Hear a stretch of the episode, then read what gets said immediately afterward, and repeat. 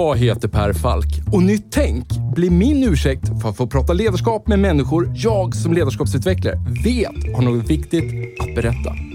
Och med tio avsnitt per säsong, varannan vecka, gräver vi därför ner oss i tekniker, principer och synsätt för att vi ska sätta fingret på vad som kännetecknar det ledarskap vi alla behöver se mer av. Och för att få de här samtalen att hända så har vi sponsorer.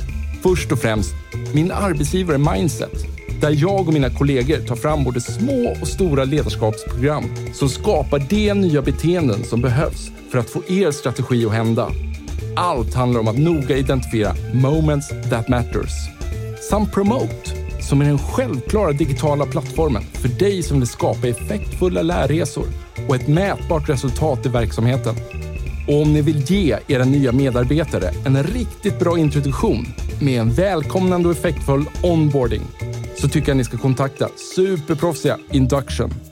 Ni hittar såklart länkar i avsnittsbeskrivningen. Nu hoppar vi in i samtalet. Enjoy!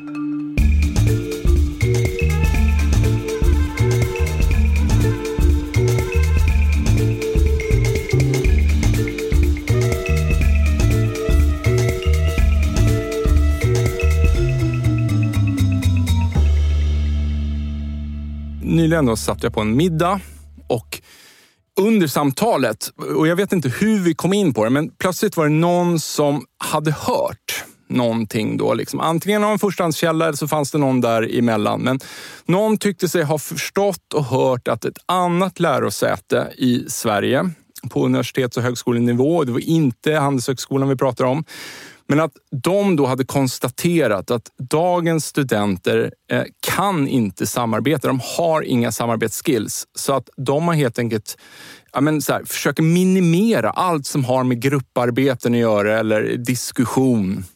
Man vill ta ner det till ett minimum. Ä är det så? det, här låter, det här låter lite oroande. Ja, okej. Okay. men det låter ju... Um, um, alltså först och främst så så låter det inte som att det är sant. Det tycker jag nog nummer Nej. ett. Uh, nummer två så är det ju, om det nu hade varit sant så är det väl inte riktigt uh, rätt strategi att om man inte kan någonting så ska man inte hålla på med det. Då vore ju rätt strategi att man kanske skulle... Tvärtom? Exakt, bara ja. undervisa i det. Ja. Men på Handelshögskolan så är samarbete någonting som är en viktig del av undervisningen och studenterna är väldigt duktiga på det. Ja. Studentkåren själva, ehm, de har som sitt motto Sharing is caring. Så det de, sant? Ja, det är sant. Ja. De, så det gör de jättemycket. Och samarbete är en helt naturlig del av eh, undervisningen och av studentkulturen också. Ja, men då blir jag betydligt lugnare här. Och, och för att vara, vara, tydlig, jag tror inte heller det är sant. Jag tror att det där var rena rama viskleken från person till person till person och plötsligt blev det en sanning. Mm. Lars, vem är du? Jag heter Lars Strannegård och jag är eh, rektor för Handelshögskolan i Stockholm och jag har varit det i eh, snart tio år. Och i grunden så är jag professor i organisation och ledarskap speciellt. Ja. Vad ska man säga om Handels? Och vad är ditt uppdrag som rektor? Ja, Handels är ju ett, eh, ett fristående lärosäte. Vi är ett privat lärosäte. Vi har bara 18 procent av vår finansiering som kommer från staten. Eh, vi lever i nära samarbete just med eh, olika företag mm. och vi är kraftigt forskningsinriktade. Så vi har um, enormt många professorer faktiskt och uh, forskare per student. Så vi, är, vi har ungefär 2000 studenter och vi har 150 forskare och professorer. Så det är väldigt många just forskare per student. Och sen har vi då den här finansieringen som kommer från massa olika eh, just finansiärer från den privata sektorn. Vilket gör att vi är ganska relevanta hela tiden faktiskt i vår undervisning och i vår forskning. Vad gör en rektor i den här miljön? Det är ganska likt att vara VD kan man säga för ett, eh, om det hade varit ett privat företag. Det är ju inte vi utan vi är ju icke vinstdrivande såklart. Men det handlar egentligen om att i stor utsträckning så handlar det faktiskt om att eh, dra in finansieringen. Mm. Men också att ta fram strategier och, och försöka göra den här detta lärosäte till, ett, eh, ja, till någonting som når ut över världen helt enkelt. Leverera en bra produkt leverera. Till svenska företag? Ja, ja och världen bortom, stor. Bortom det kanske? Ja. Och egentligen så är grunduppdraget att vi ska stärka svensk konkurrenskraft ja. med forskning och forskningsbaserad undervisning. Ja, och vet du vad? Det är just därför som du är inbjuden här, för jag tycker det är så spännande skärningspunkt. För jag tänker så här att dels så ligger du nära örat på rälsen hur unga talanger idag resonerar. Vad är deras drivkrafter? Vad vill de med sin framtida karriär? Eh, men så tänker jag också om att, precis som du var inne lite på, att ni torde ha någon bild över hur, så här, hur ska vi träna våra studenter idag för att de ska liksom vara konkurrenskraftiga för morgondagens arbetsliv. Mm, exakt. Ja. Du nämnde kort att du har en forskarbakgrund. Ja. ja.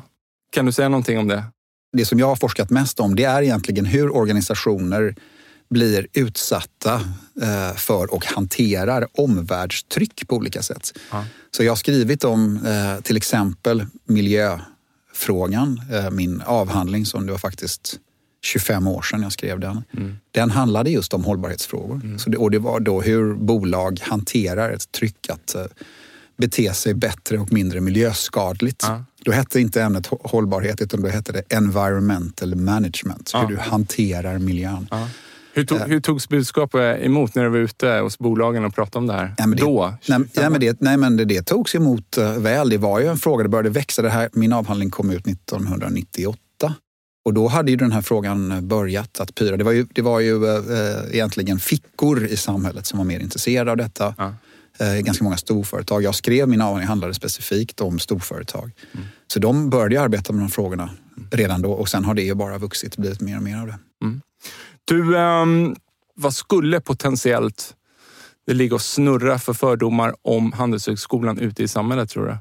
Ja, det är ju någonting som vi, eh, eh, vi vet ju om väldigt väl vilka fördomar som finns och det är ju ett av de uppdrag som eh, jag, jag kanske har givit mig själv kan man säga, men det är ju egentligen att nyansera många av dem. Och till dem så hör ju då naturligtvis att, eh, eh att Handels bara är, att det är liksom kapitalismens högborg, att vi bara bryr oss om företag och vi bryr oss bara om att tjäna pengar och att det bara är rikemans barn som går där och alla är liksom eh, bakåtkammade med flott i håret och vaskar champagne på Stureplan och så. Och också att det bara är svenska från eh, vissa typer av skolor som går där. Och den bilden eh, är jättefel. Det finns naturligtvis inslag av det, precis som det finns inslag av alla fördomar någonstans. Men eh, i själva verket är det ju så att vi är ett ställe som finns till för landet som helhet. Många av våra studenter är, går in i offentlig sektor eller internationella organisationer. Eh, de representerar alla möjliga färger på den politiska kartan. Vi har ju ja, typ Magdalena Andersson som är socialdemokratisk statsminister, är från oss. Ja. Ali Esbati som är vänsterman eh, utbildar hos oss, men också Anna Kinberg Batra. Så det, så det, det, det, är ett ställe för samhällsintresserade människor. Mm. Det är naturligtvis ett pluggställe. Det är för ambitiösa mm. Eh, individer, absolut. Mm. Eh, men vårt mål är också då att nå ut mycket bredare i samhället och 50 procent av studenterna till exempel på masternivå är internationella. Alla våra program är på engelska. All, rubbet? Rubbet. Aha. Ehm, så att vi är en mycket mer internationell lärosäte än, än, än vad vi är någon sorts uh, Stureplans angelägenhet. Ja. Hur hittar ni de här personerna som ni vill ska gå där?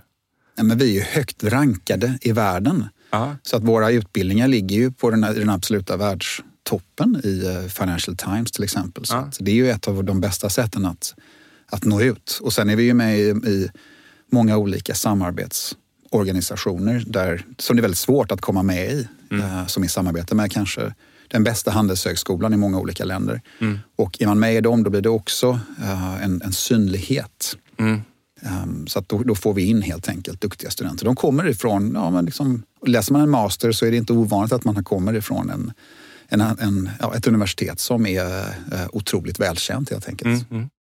Om man tänker sig under masternivå då, eh, någon 20-årig eh, tjej eller kille som kommer in i, i det här. Liksom. Mm. Jag inledde ju lite med att du, jag misstänker att du ligger mot örat mot rälsen liksom ta del av liksom deras världsbild och, och, och vad de vill framöver. Mm. Vad, och, vi inledde ju också med att prata om den här middagen, om att eh, dagens studenter inte kan samarbeta då, inom situationstecken. Så här, vad ser oss, de här unga studenterna? Hur skiljer de sig, om vi börjar där, hur skiljer de sig från tidigare generationer? Och gör de det överhuvudtaget? Det kanske är jag som... Jo, men um, jag träffar ju faktiskt varenda student. Jag tar dem i hand och välkomnar dem när de kommer. Ja. Uh, så jag talar lite grann med dem så att jag har ju över tid har jag fått en ganska bra bild över, över uh, hur de ser helt enkelt på, på världen och vad de tycker är viktigt. Och det man kan säga generellt det är ju att de är väldigt samhällsintresserade i vid mening. De är intresserade av vilken riktning som samhället tar. Mm. De är mycket intresserade av hållbarhetsfrågor. Eh, de vill arbeta i organisationer som gör någonting som är eh, bra. Det är rätt svårt för ett bolag som ja, till exempel i typ tobaksindustrin eller så. Mm. mm de får inte eh, alla de duktigaste studenterna i princip. Mm. Utan mm. man vill göra någonting som är bra, man vill förändra någonting, mm. man vill driva mm. någonting. Man är inte så intresserad av att bli chef för chefskapets skull eller få liksom hörnkontoret utan man är intresserad av att göra ett avtryck. Mm. Och det, det där avtrycket, eh, det är klart att det är ganska så individualistiskt drivet många gånger. De, de, man ska inte tro att de, att de liksom bara är eh, intresserade av att göra gott och inte få betalt. Det är de inte, men fortfarande intresserade av att få pengar och så. Ja. Absolut. Men generellt så är det att, att, att, man ska göra någonting som går bortom en själv. Ändå. Det, det är väldigt tydligt. Ja. Ja. Är det något de är särskilt bra på i sina skills? De är ofta väldigt målinriktade. Mm. Det vi försöker göra det är egentligen att kalibrera dem ännu mer så att de verkligen gör det som de själva vill göra och inte det som de tror att någon annan vill att de ska göra. Nej. Så att till exempel är det ju många som eh, är intresserade av att eh, börja arbeta för, för ett, eh, en investmentbank eh, till exempel. Mm. Och sen så visar det sig att om de väl får det jobbet som det är väldigt eh, mycket liksom prestigefyllt att få, mm. som en investmentbank i London till exempel. Och sen kommer de på att de behöver arbeta väldigt mycket när, när de är där. Och sen så tänker man, det visste jag redan om från början. Och då skulle de egentligen ha tänkt på det innan, att den typen av jobb kanske inte är riktigt för Nej. dem. Då. Så vi, vi har mycket som, som handlar om reflektion och att de ska lära känna sig själva och sina egna preferenser bättre. Så det, det försöker vi satsa på mer. Vad gör ni för analys kring hur ni måste träna dem framöver för att de ska vara konkurrenskraftiga? Men den är väldigt, eh, det, det, är ju det apropå den här med relevansen då som eh, eh, vi, det, det, är så att vi har då över 80 procent av vår finansiering kommer ifrån privata medel och, eller snarare icke, uh, icke fasta statliga medel. Och då har vi har över 100 partnerföretag. Och mitt jobb det går ut på, är väldigt, det är väldigt repetitivt så tillvida att jag talar med de här bolagen och sen ställer jag, vad är det ni egentligen behöver för typ av kompetens i framtiden? Mm. Och det som de säger då, det är att de här, de här bolagen då, det är att de vill ha individer som kan våra kärnämnen, alltså företagsekonomi, nationalekonomi och finans. Man måste veta exakt hur en balansräkning relaterar till en resultaträkning ungefär. Mm. Eller vad som händer när en utbud och efterfrågekurva möts. Men därutöver så behöver man ha eh, analytisk förmåga. Man måste kunna samarbeta med andra. Man måste ha en väl utvecklad kreativitet. Man måste förstå vikten av kultur och värderingar därför att det blir viktigare och viktigare för varje år med en förändrad demografi och med eh, det faktum att det är värderingar som styr bolaget väldigt, väldigt mycket. Mm. Och då att eh, de ska kunna börja leverera värde direkt. De måste kunna liksom den här eh, världen direkt. Så vi har en ganska tydlig eh, önskelista. Och om vi inte då levererar studenter som uppfyller de här sakerna då kommer bolagen inte vara intresserade av att stötta oss längre. Så därför är det en, liksom en ganska tydlig beställning. Och den kommer inte bara ifrån företag, den kommer även ifrån andra organisationer att det är den här typen av kompetens som de vill ha. Så den är ganska bred. Mm. Och därför så har vi fattat ett beslut att som en reaktion på detta egentligen, att vi har utgått ifrån en filosof som heter Ingmar Hedenius som har sagt att den som är bäst förberedd för framtiden är den som är fri och levande i relation till det okända. Och denna lite poetiska formulering eh, tycker vi, det viktiga i den är att du är fri och levande i en okänd värld. Det betyder alltså okänd, ja det är precis vad vår värld är. det är svårt att förutse den. Men är du fri i den världen och levande så betyder det att du kan ta dig an världen ja. och agera i den och vara förberedd helt enkelt för olika typer av eventualiteter.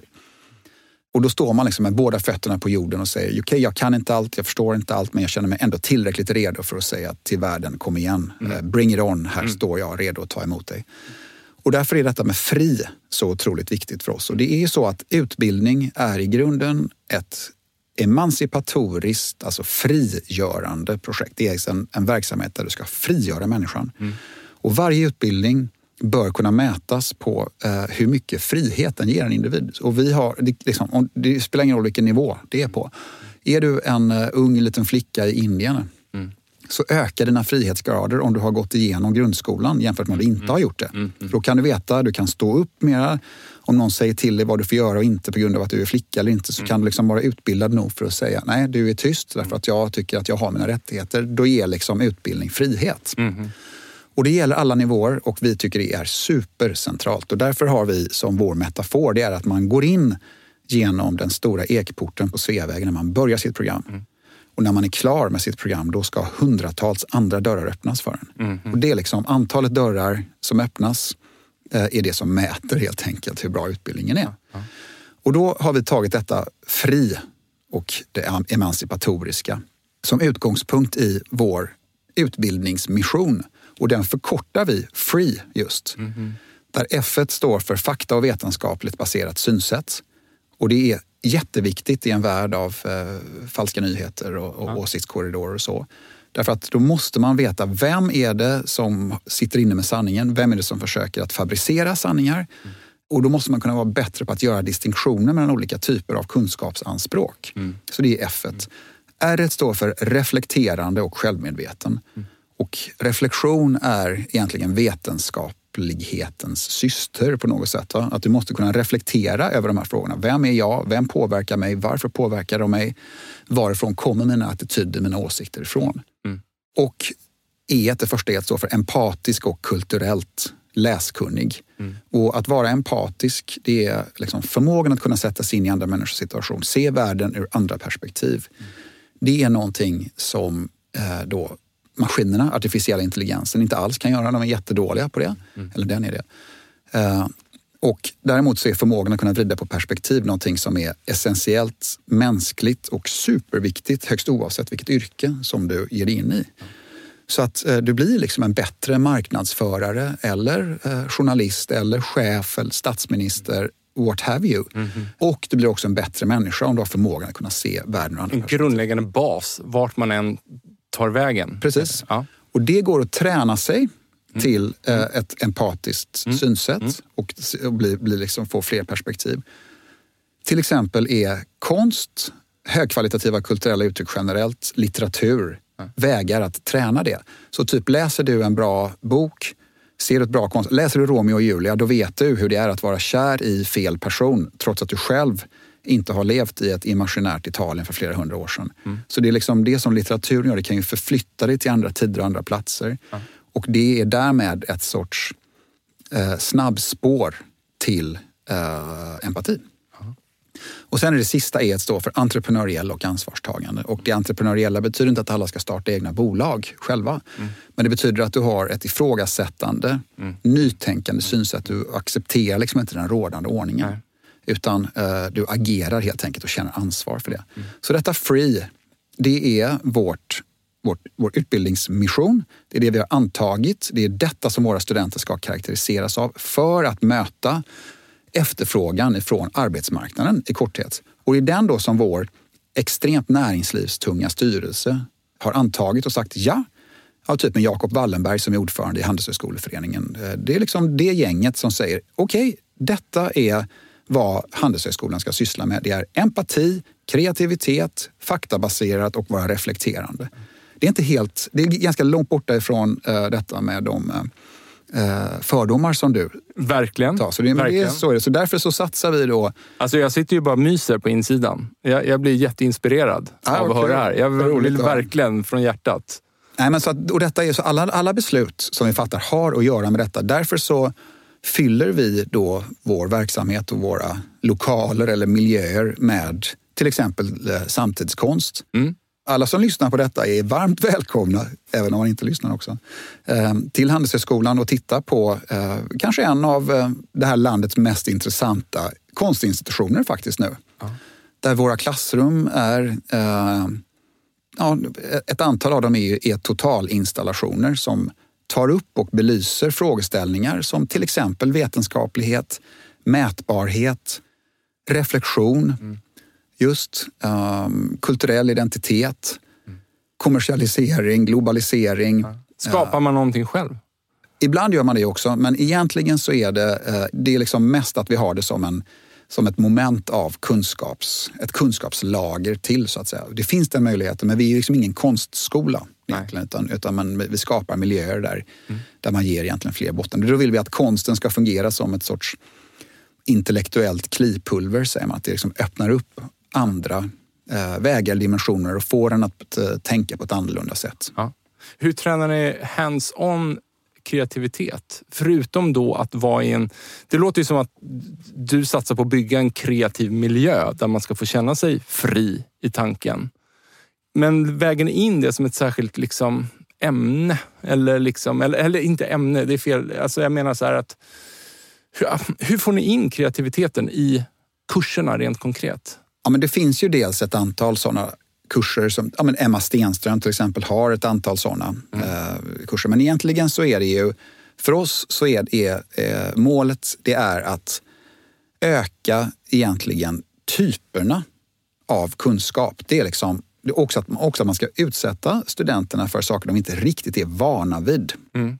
Många kommer in och de är vana vid att vara duktigast i sina klasser och så och har ganska gott självförtroende. Det är bra att ha gott självförtroende men det är också bra att bli ödmjuk. Mm.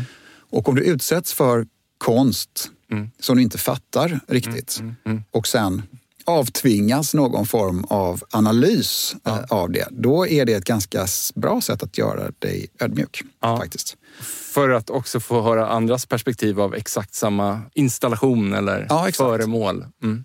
Så att vi har inga regelrätta kurser i liksom kreativitet på det sättet. Mm. Men du kommer in i en miljö, då är det det första du ser det är en videoinstallation. vi har ett kurerat videoprogram som vi gör i samarbete med Magasin 3 eller, eller Moderna Museet och så.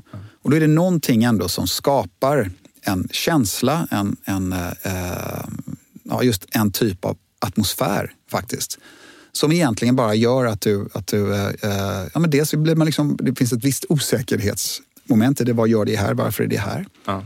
Eh, Men sen också ett sätt att man då förhåller sig och, och att man då öppnar upp. Det är det som är vår poäng med detta. Att vi, att I Sverige så har vi ett utbildningssystem som bygger på specialisering väldigt tidigt. Extremt tidigt, skadligt tidigt tycker jag. Mm. Till exempel så börjar man eh, ja, ta någon som är intresserad av ekonomi. Då börjar man när man är 15 år på gymnasiet och specialisera sig på ekonomiskt program. Då läser du tre år ekonomi. Mm. Mm. Sen läser du en kandidat eh, examen Mm. på universitetet i tre år och läst sex år ekonomi. Och sen läser du en, en master som i, i sig är en specialisering. Mm. Så har du läst åtta år ekonomi specialiserat på det. Då har du liksom skygglappar som har börjat bändas inåt Mm. när du är 15 år gammal. Mm. Och det är, tycker vi är dåligt och därför måste man bända upp de skygglapparna så att du tar in världen mycket mer, så att du breddar din syn helt enkelt på det.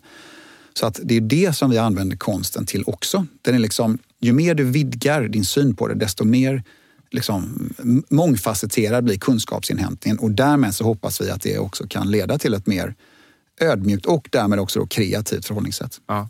Vi har varit inne på det i några andra avsnitt faktiskt. Eh, att jag har fått för mig att i till exempel på universiteten i USA så är det mycket vanligare att någon läser litteratur för att sen börja läsa om finans. Eller, har- eller är det bara någon myt? Har jag bara fått för mig Nej, det? det är absolut ingen myt. Det är Nej. precis så. Det är ju, eh, hela tanken med eh, liksom college är ju att du har ett antal år där du breddar dig. Ja. Där du har ett major och ett ofta då minor, något ämne som du har. Och sen går du, efter du har läst dina fyra år, då går du på då, eh, alltså eh, masternivån. Då läser du liksom law school, business school, Mm. Eh, med school etc. Så att du börjar med den, bre- den breda kunskapen. Det har vi aldrig gjort här. Nej. Var, var, var kommer vår tradition ifrån då? Är, är det... Det är därför att vi, eh, vi kommer från en germansk tradition. På Nej, men det är eh, lite grann är det så att vi har... Sverige är ju ett väldigt nyttoinriktat land. Ja. Och eh, alla våra utbildningar är ju liksom nytto eh, och direkt användarnyttoinriktade yrkesskolor. Liksom. Ja, ja. KTH, det är liksom, du ska börja direkt och, och, och, bli, så fort du kommer ut därifrån så ska du genast börja ingenjörsverksamhet. Mm. Du läser ekonomi, du börjar läsa medicin när du är 19 år gammal till exempel. Mm. Så att du börjar med alla de här sakerna och varje utbildning ska egentligen leda till just ett, ett, ett yrke i sig. Mm. Um, och det är, det är för att man, det, är, det är så vår kunskapssyn ser ut. Mm. Den har gjort det hela tiden och den, är, den blir mer och mer specialiserad, mer och mer inriktad för var dag som går. Eh, alla sådana här saker som estetiska ämnen till exempel, det försvinner ju ut ur eh, läroplanerna nu. Det börjar när du är på, i förskolan, då finns det fortfarande klipp och klistra och liksom, eh, mm. eh, olika typer av där du använder dig av handens tanke och så. Sen försvinner det bort. Nu är ju estetiska program eller estetiska kurser borta ur gymnasiet helt till exempel. Så att kvar är ju det som kallas för STEM. Science, Technology, Engineering och Math. Det är det man tycker är det viktigaste. Mm. Eh, och fler eh, ämnen då blir, eller anses inte vara riktigt lika viktiga. Mm. Så att hela den svenska utbildningssynen går mer mot någon form av praktisk, direkt användarinriktad nytta. Mm. Och jag tror att det är fel väg att gå därför att eh, i takt med att den artificiella intelligensen kommer fram så är det ju den typen av eh, liksom, kunskaper som den faktiskt blir bättre på. Och jag tycker att det är allt det som ligger i, eh, ja, men liksom i, i, i humanistiska ämnen, i mm. praktiska ämnen, vet, ja, men typ slöjd och sånt mm. som det har diskuterats eh, mycket och däribland jag själv har gått, tagit del i den debatten. Där det finns olika typer av, det finns ju alltså olika kunskapstyper. Mm. Och vi är så enormt liksom, ja, men enfaldig låter som ett eh, elakt ord, men det handlar ändå om det att man är i alla fall motsatsen till mångfaldig mm. när det gäller synen på kunskap. Mm. Det kallas ju för cyklopernas land, att man har en sak i taget och en grej som man mm. kan. Så nu är det liksom Science, Technology, Engineering och Math, STEM, det är det som man ska syssla med och eh, därmed så ska andra ämnen då stryka på foten och det eh, är mycket osäkert om det är en bra väg att gå. Jag, jag satt just och funderade om man skulle sätta dig som rektor då på, en, på en grundskola. Vi fantiserar loss lite där. Vad, vad hade du velat göra? Ja, men jag tycker att grundskolan En, en helt hypotetisk, liksom, eller ett gymnasium då för den delen också. Liksom. Men, men... Ja, men då tror jag väldigt mycket på en, eh, just på bredd. Du, du måste ju liksom speciellt i den mångfacetterade och eh, komplexa värld som vi befinner oss i. Mm. Då måste man ju eh, öka känsligheten för olika typer av världsbilder, olika typer av kunskaper. Mm. Och då, så jag hade ju försökt att vara så bred mm. som bara möjligt. Mm. Och också låta våra unga liksom experimentera med vad det är de själva de facto är intresserade av. Och om de hittar det de är intresserade av så ska de också bli utsatta mm. för saker som de inte är intresserade av. Mm. Är du liksom då en humanistiskt intresserad liksom, mm. ja, södra latinare, säger vi. Liksom. Då ska man få rätt mycket, tycker jag, eh, naturvetenskap så att man liksom får den delen eh, också. Men är du då en riktigt eh, en, en uh, mattenissa, ja. då ska du också få uh, konst och humaniora så att du liksom vidgar dig där. Ja. Och ju, ju, bredare du är, desto mer så ökar sannolikheten att du blir en bättre beslutsfattare och en också bättre människa mm. de facto. Och sen har ju, alltså universiteten har ju heller inte, de bryr sig bara om den mätbara kunskapen. Mm. Den skiljer sig väldigt kraftigt ifrån ja, men till exempel då amerikanska universitet eller så, där man tydligt och uttalat talar om sitt uppdrag som någonting som handlar om värderingar, mm. om etiska frågor, moral mm. och att man ska forma medborgarskap, citizenship. Mm. Det talar man jättemycket om. Det mm. gör man aldrig i svenska universitetssammanhang. Mm. Utan här ska man plugga, tenta och sen är man ute ur systemet för att få universitetet sin skolpeng, så att säga, eller mm, studentpeng. Så hela synen på vad kunskap är för någonting mm. skiljer sig i Sverige jämfört med, andra länder tycker jag. Mm. Och vi är oreflekterade. Väldigt många som arbetar i kunskapsproduktionens värld, mm. däribland politiker, eh, har en ganska så eh, bristfällig, tycker jag, syn eller kunskap snarare om vad just kunskap är och vad, och, och, och vad syftet med det är. Mm. En gång i tiden så var det en väldigt bra affär för Sverige när man insåg att så här, våra elever måste lära sig engelska. Ja, just det. Det har ju tjänat oss väldigt bra. Ja, det får man ju lov att säga. Det Då, liksom. att säga. Och någonstans går man ju vänta på, så här, vad är det nästa engelska Mm. eh, som vi måste börja göra i all utbildning Mm. och som kommer tjäna oss väldigt bra liksom, de kommande hundra åren eller liknande. Ja, men då är det ju ändå så att det var ju tal om ja, men just att, att vi levde i kunskapssamhället och man talar om innovationsförmåga och så. Och det är klart att då är det ju ja, men kreativa arbetssätt, nytänkande och liksom innovationskraft på något sätt. Det kommer ju genom en bredd av olika ämnen helt enkelt. Det måste självklart vara jättestyv på matte och, och liksom eh, teknik. Va? Det, är som, det, det är klart att det, om, om det nu är det du ska liksom innovera i, omkring. Men du, Den faktiska kunskapen måste finnas måste inom ju, området. det är därför vi har F i vårt free. Det är liksom fakta och vetenskapligt baserat. Det är liksom nummer ett. Annars kommer man ingen vart. Du kan liksom inte flumma bort Nej. det. Va? Utan det, är liksom, det är, måste pluggas som en absolut galning. Men sen så, så måste man ju då träna sin just kreativa förmåga, sin kommunikationsförmåga. Sin förmåga att tänka nytt och göra nytt. Liksom. Ja. Man talar å ena sidan om innovation och innovationskraft. Det är liksom ett mantra i Sverige idag. Mm, mm. Och samtidigt så har man utbildningar som överhuvudtaget inte korresponderar till det målet som man har. Nej. I hear you.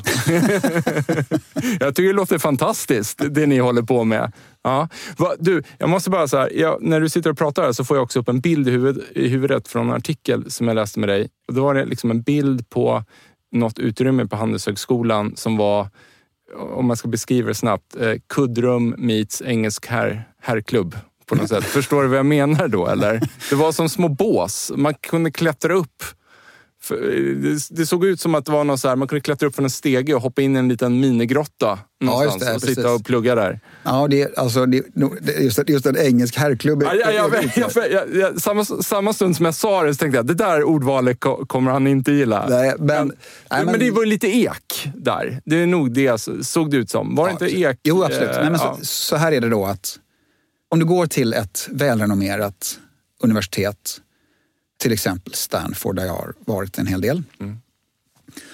Om man är där så går man runt och sen känner man bara, gud vad det är härligt att vara här. Mm. Liksom. Det luktar gott, kaffet är bra.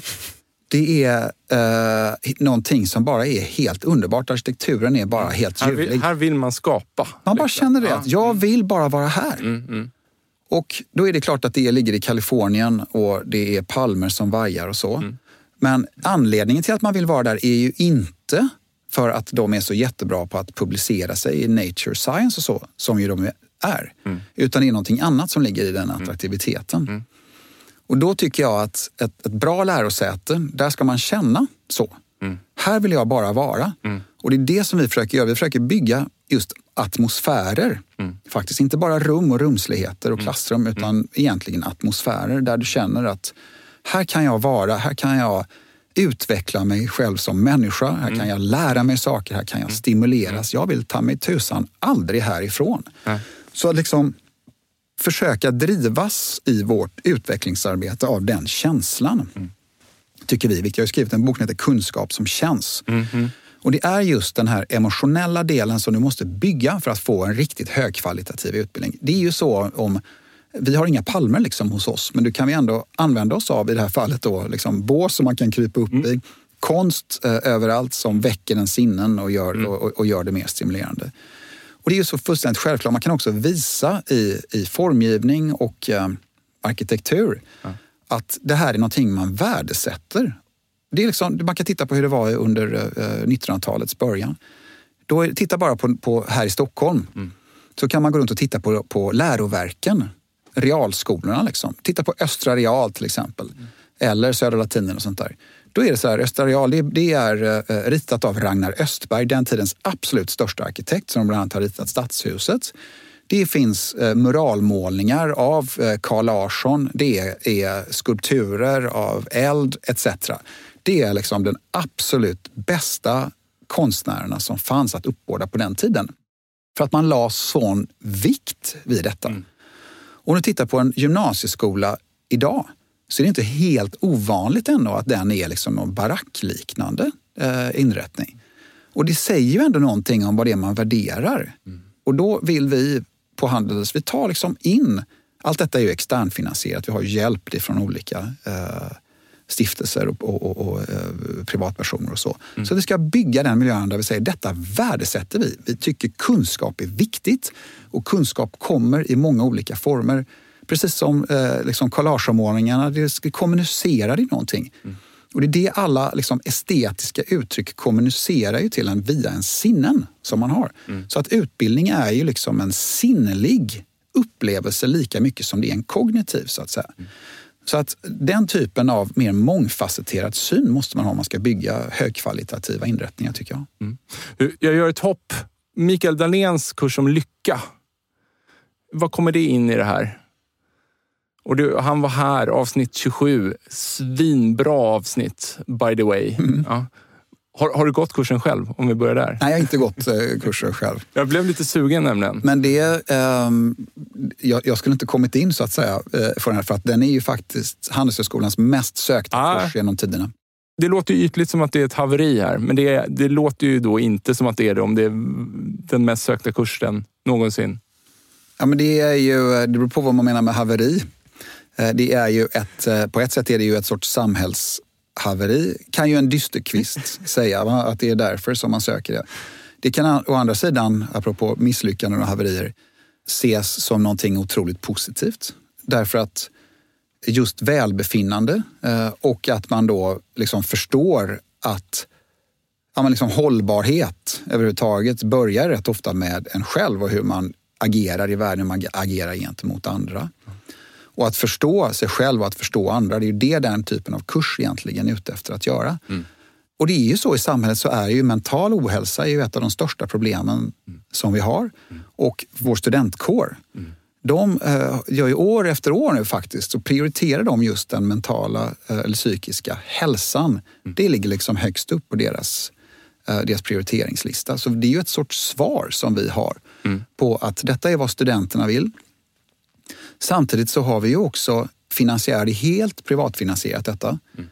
Eh, vi har fått in mängder med miljoner ifrån eh, välgörare, alltså filantroper. Mm. De tycker också att detta är något som är viktigt. Så i relevansens eh, namn, så att säga, för det är det vi alltid agerar efter. Vi upplever ett tryck från studenter, vi upplever ett tryck ifrån eh, då, bolag och mm. finansiärer till att faktiskt göra detta och då agerar vi och gör det har den blivit lite trendsättare så att det har spritts utomlands?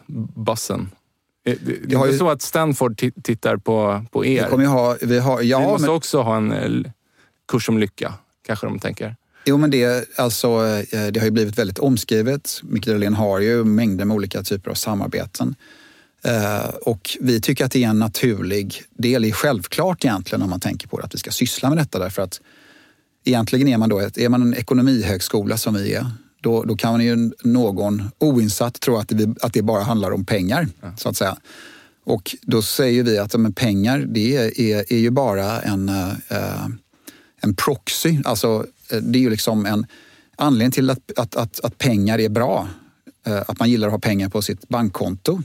Det är ju för att pengarna kan växlas in till någonting annat som man vill ha. Mm. Nämligen självförverkligande, trygghet, hälsa, tid. njutning. Mm. Tid, precis. Mm. Det är ju det som pengar egentligen är. Det är bara liksom någonting, det är bara ett medel för ett mål. Mm. Och det är målen som vi är intresserade av och de mål som nästan alla söker efter i sin jakt på meningen med livet. Ja. Det är ju, är ju, är ju eh, till exempel då välbefinnande, eh, meningsfullhet och så. Och därför är det ju det som vi då undervisar i. Det är fullständigt självklart att man ska göra det på en skola som är intresserad av samhällsfrågor och ekonomiska frågor. Om man inte gör det så sköter man sig inte. Ja. Du, eh, så här, en annan by the way, eh, när han var här då, så då, då, jag, jag, kände så här, jag, jag, var lite stressad där i korridoren utanför. Vi, vi kom gående här och, och, jag var lite så här, oj oj oj, nu, nu är Mikael Dahlén här. Liksom. Och så höll de på här utanför och, och bar ett bord och den hade liksom fastnat lite. De fick inte riktigt till det. Och, och jag då, jag skyndade liksom förbi det där. För jag ville ju in i studion så fort som möjligt med Mikael Dahlén för att få så mycket tid med honom som möjligt. Men, men han stannade liksom upp där och bara, kan jag hjälpa till på något sätt? Eh, och, och, sen när vi pratade och, och, jag kände mig, jag bara, men herregud, här, jag vill ju vara en sån person som Mikael Dahlén som stannar upp, tar sig tid. Och han pratade mycket i det här avsnittet också om den här vänligheten i det offentliga rummet. Mm. Eh, ja, det, det, var bara en, en avstickare. Det var mitt bestående det. minne där. Ja, eh, och det är också en sån sak eh, som naturligtvis bidrar till välbefinnande i eh, i ett samhälle. Ja. Liksom, den typen av vänlighet. Så det, är ett, det där är ju ett jag jättebra älsk, sätt. Och jag, jag älskade det. Ja. Och jag tycker att det där är, om man kan inympa den typen av synsätt mm. hos framtidens beslutsfattare som faktiskt är de som vi har mm. eh, hand om under ett antal ja. år då gör man ju sitt jobb som utbildare. Ja. Du, en fråga till innan vi hoppar vidare. I det avsnittet så pratar han om en, eh, så här, jag kanske minns fel, men det var som att han pratade om en reflektionsdagbok eller en liknande. Och så lät det som att eh, den här reflektionsdagboken eventuellt var en del av andra, liksom, eller verksamheten i stort på Handels. Det är ju för att vi har det här R i Free. Ja. Fakta i F, R är eh, då reflektion. Ja. Och hur ser den ut rent det, konkret? Det, det liksom? finns massa olika eh, inslag av det. Då. Till exempel så har vi något som heter Reflection Series. Så ja. det är liksom ett program, eh, eller säga en kurs va, som, som studenterna ja. går. Hur att reflektera? Ja, eller? ja. exakt. Eh, och, och, och, det andra är att vi har något som heter Tutorial-programmet. Som är, det heter Antonia Axon Jonssons tutorial program. Där det är en mycket tätare kontakt mellan lärare och studenter. Ja. Där man ställer frågor som handlar om, att, eh, om just reflektion. Vad är viktigt för dig? Ja. Vad betyder det här egentligen? Och försöka få dem att, liksom, att få kunskaper att, bli, att, att djupna egentligen. Ja. Det är det jag menar med ja, att fakta och vetenskaplighets syster är reflektionen. Så vi ser det som ett pedagogiskt verktyg. Då. Men kan arbetsgivarna leva upp till det här då? När, när de här unga förmågorna kommer ut? Ja, men det kan de ju. De, de, de och sätter unga... blicken, de kanske har gjort sitt första misstag här och sitter nu med sin chef och börjar prata om vikten av, av reflektion här. Ja, men det är ju alltså... Det, det, är ju framtidens beslutsfattare och då måste man ju liksom, om de kommer ut med det synsättet, då är det ju användbart. Ja. på massa olika sätt. Och det är klart att de kommer stöta på patrull. Som, menar, livet är ju som livet är och de organisationer vi har är så som de ja. är. men då, det är ju ändå Jag drar det lite sättet. till sin spets här. Ja, men såklart. såklart. Men ändå så är det, det är ju det absolut bästa sättet om de ska vara fram, liksom, förändringsagenter som det brukar heta så fint. Ja. Uh, men de, de, är ju faktiskt det då. Om de har en annan typ av synsätt då tror jag att det är av godo. Ja, jag tror att de kommer bli eh, fantastiska i sitt coachande ledarskap eh, efter några år när de går in i sin första chefsbefattning. Kanske först där värdet liksom, eh, spelas ut i en större skala då. Ja, just det. Men det blir också att de förstår sig själv och andra även tidigare. Mm. För det, är det, liksom att det handlar ju också om att du, att du ska träffa rätt. Vad är det du egentligen vill göra? Det är ju det det också handlar om. Aha. Du, jag har en fråga om AI. Innan det, du sa någonting tidigare här om att um, men, eh, era vad ska man säga, beställare, om vi kallar dem för det, efterfrågar mycket om uh, kultur och värderingar. Varför är det viktigt? Alltså, för, för någon som inte tror på det, vad skulle du säga till den personen? Varför är det viktigt med kultur och värderingar för en organisation? Alltså det räcker ju att titta på hur vårt land utvecklas. Eh, och om man inte tror att värderingar eh, och kultur är någonting som är viktigt, eh, då får man nog tänka ett varv till. Jag menar alla saker som till exempel rör eh, yttrandefrihet, som är en ganska tydlig värdering i sig. Eh, att man har en tilltro till demokrati, till exempel, eh, är också en värdering. Det är ju det som bygger mm. ett samhälle totalt. Det är ju det som är skillnaden mellan ett, eh, eh någonting som är sammanhållet och någonting mm. som inte är sammanhållet. Mm. mm. Och eh, det är självklart, det gäller ju alla. Gemensam grund, vad som man tycker är sant. Ja visst, alltså, alltså, värdering det betyder ju eh, någonting som man tillerkänner värde. Mm. Någonting som man alltså, tycker mm. är mm. viktigt. Mm. Det är ju det det handlar om. Och om man då är nihilistisk, alltså om man inte bryr sig om någonting om det, då kan du aldrig bygga en riktigt bra organisation. Du kan aldrig bygga ett bra land, du kan aldrig skapa ett bra familj. Du kan inte bygga en relation. Mm. Så att eh, det, om man inte förstår vikten av det, då är det tillbaka till gå ja, ja. som gäller. Får man gå om, det blir obsklass. Ja, tryggt. Du, vi, hoppar vidare. Eh, min um, tioåring, han började på mellanstadiet här efter sommaren och då på det första mötet där då så började rektorn prata om eh, AI och ChatGTP.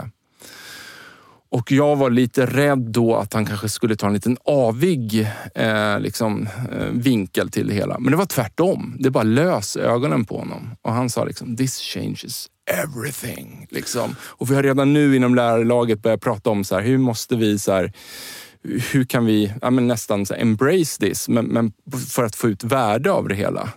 Vad, när kommer AI gå in i Handelshögskolan och, och träffas ni fortfarande, eller redan av det på ett eller annat sätt? Ja, absolut, ja. herregud. Jag ju, studenterna har ju hållit på med detta sen uh, ja, liksom, hur länge som helst.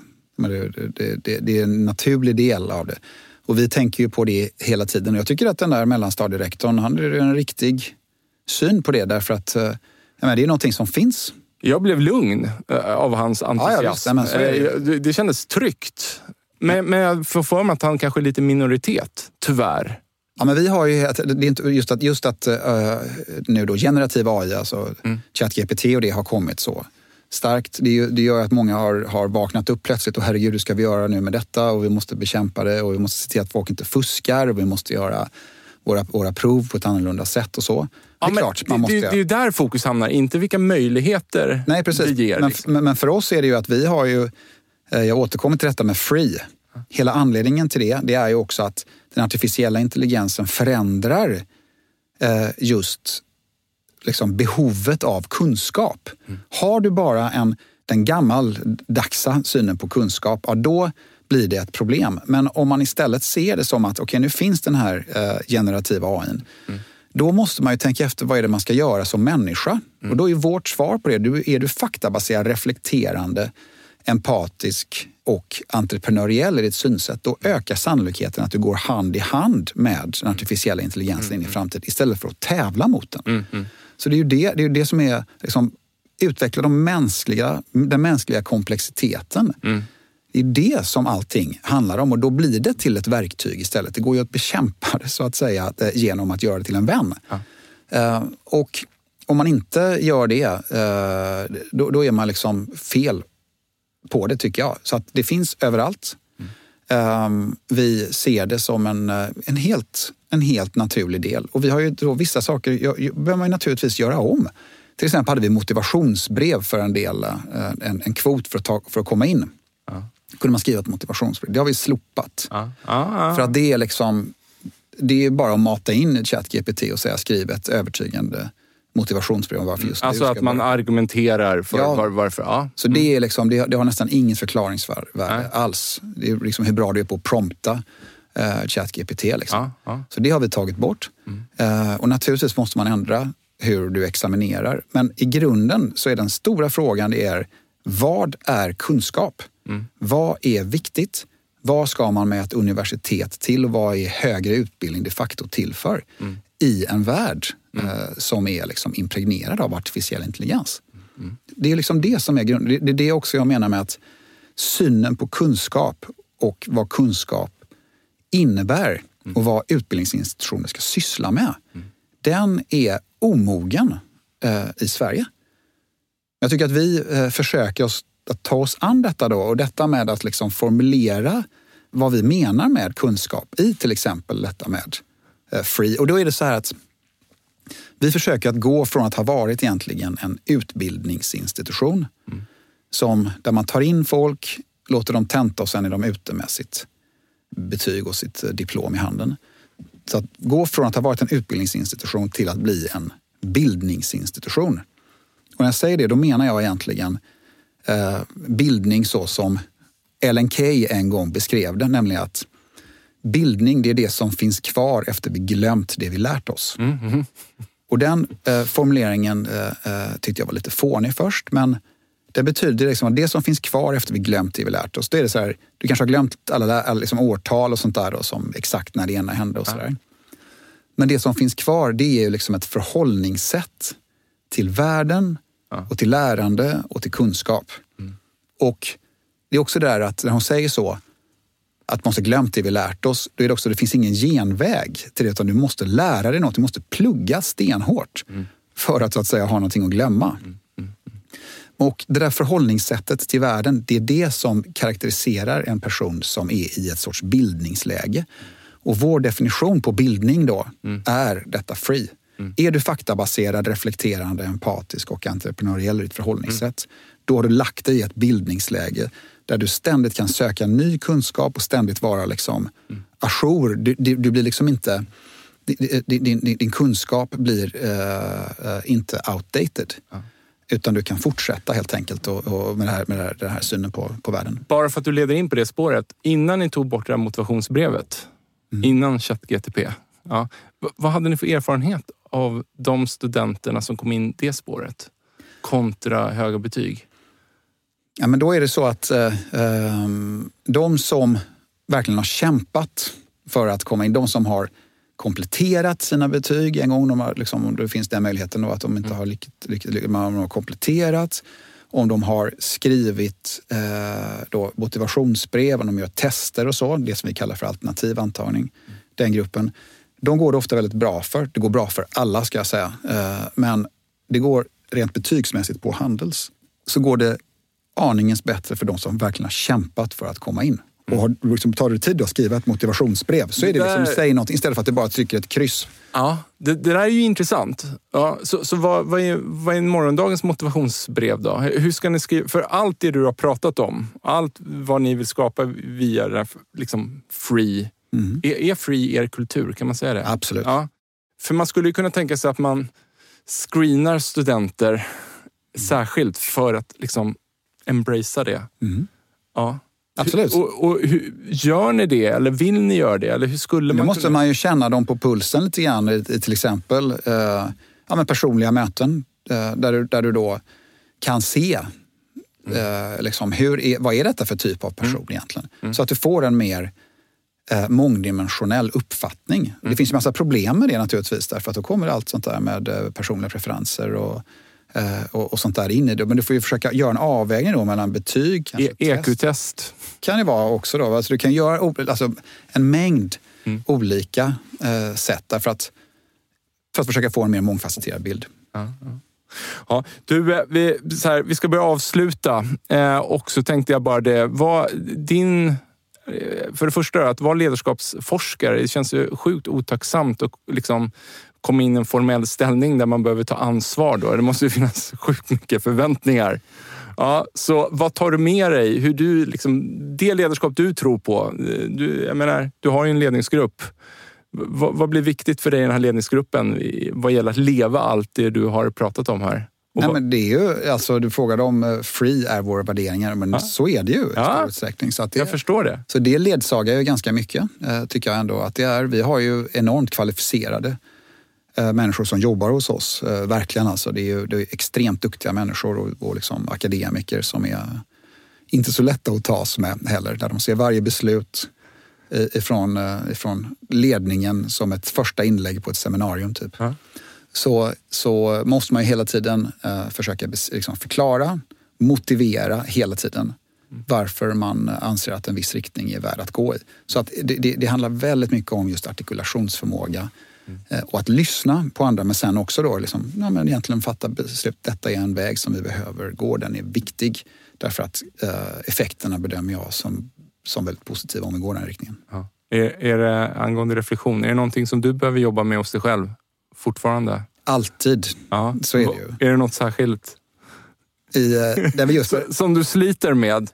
Alltså jag behöver bli bättre på? Nej, men ja. det är ju, ja, men det, det är ju det är liksom ett ganska stressigt jobb. Det går liksom i ett eh, hela tiden. Så att egentligen försöka eh, just att, att, reflektera. Är detta rätt sätt? Är det rätt prioriteringar? Ja. Och egentligen inte bara dra på liksom, utan faktiskt eh, eh ja, behandla varje fråga med ännu mer eftertänksamhet. Ja. Vart samlar du energi? Det gör jag eh, absolut hemma hos min väna hustru. Stort tack för att du eh, tog dig tid att komma förbi Lars. Tack så mycket, roligt att vara med. Tack. Hörni, tack till våra sponsorer Mindset, Promote samt Induction för att ni tror på den här produktionen. Ta hand om er.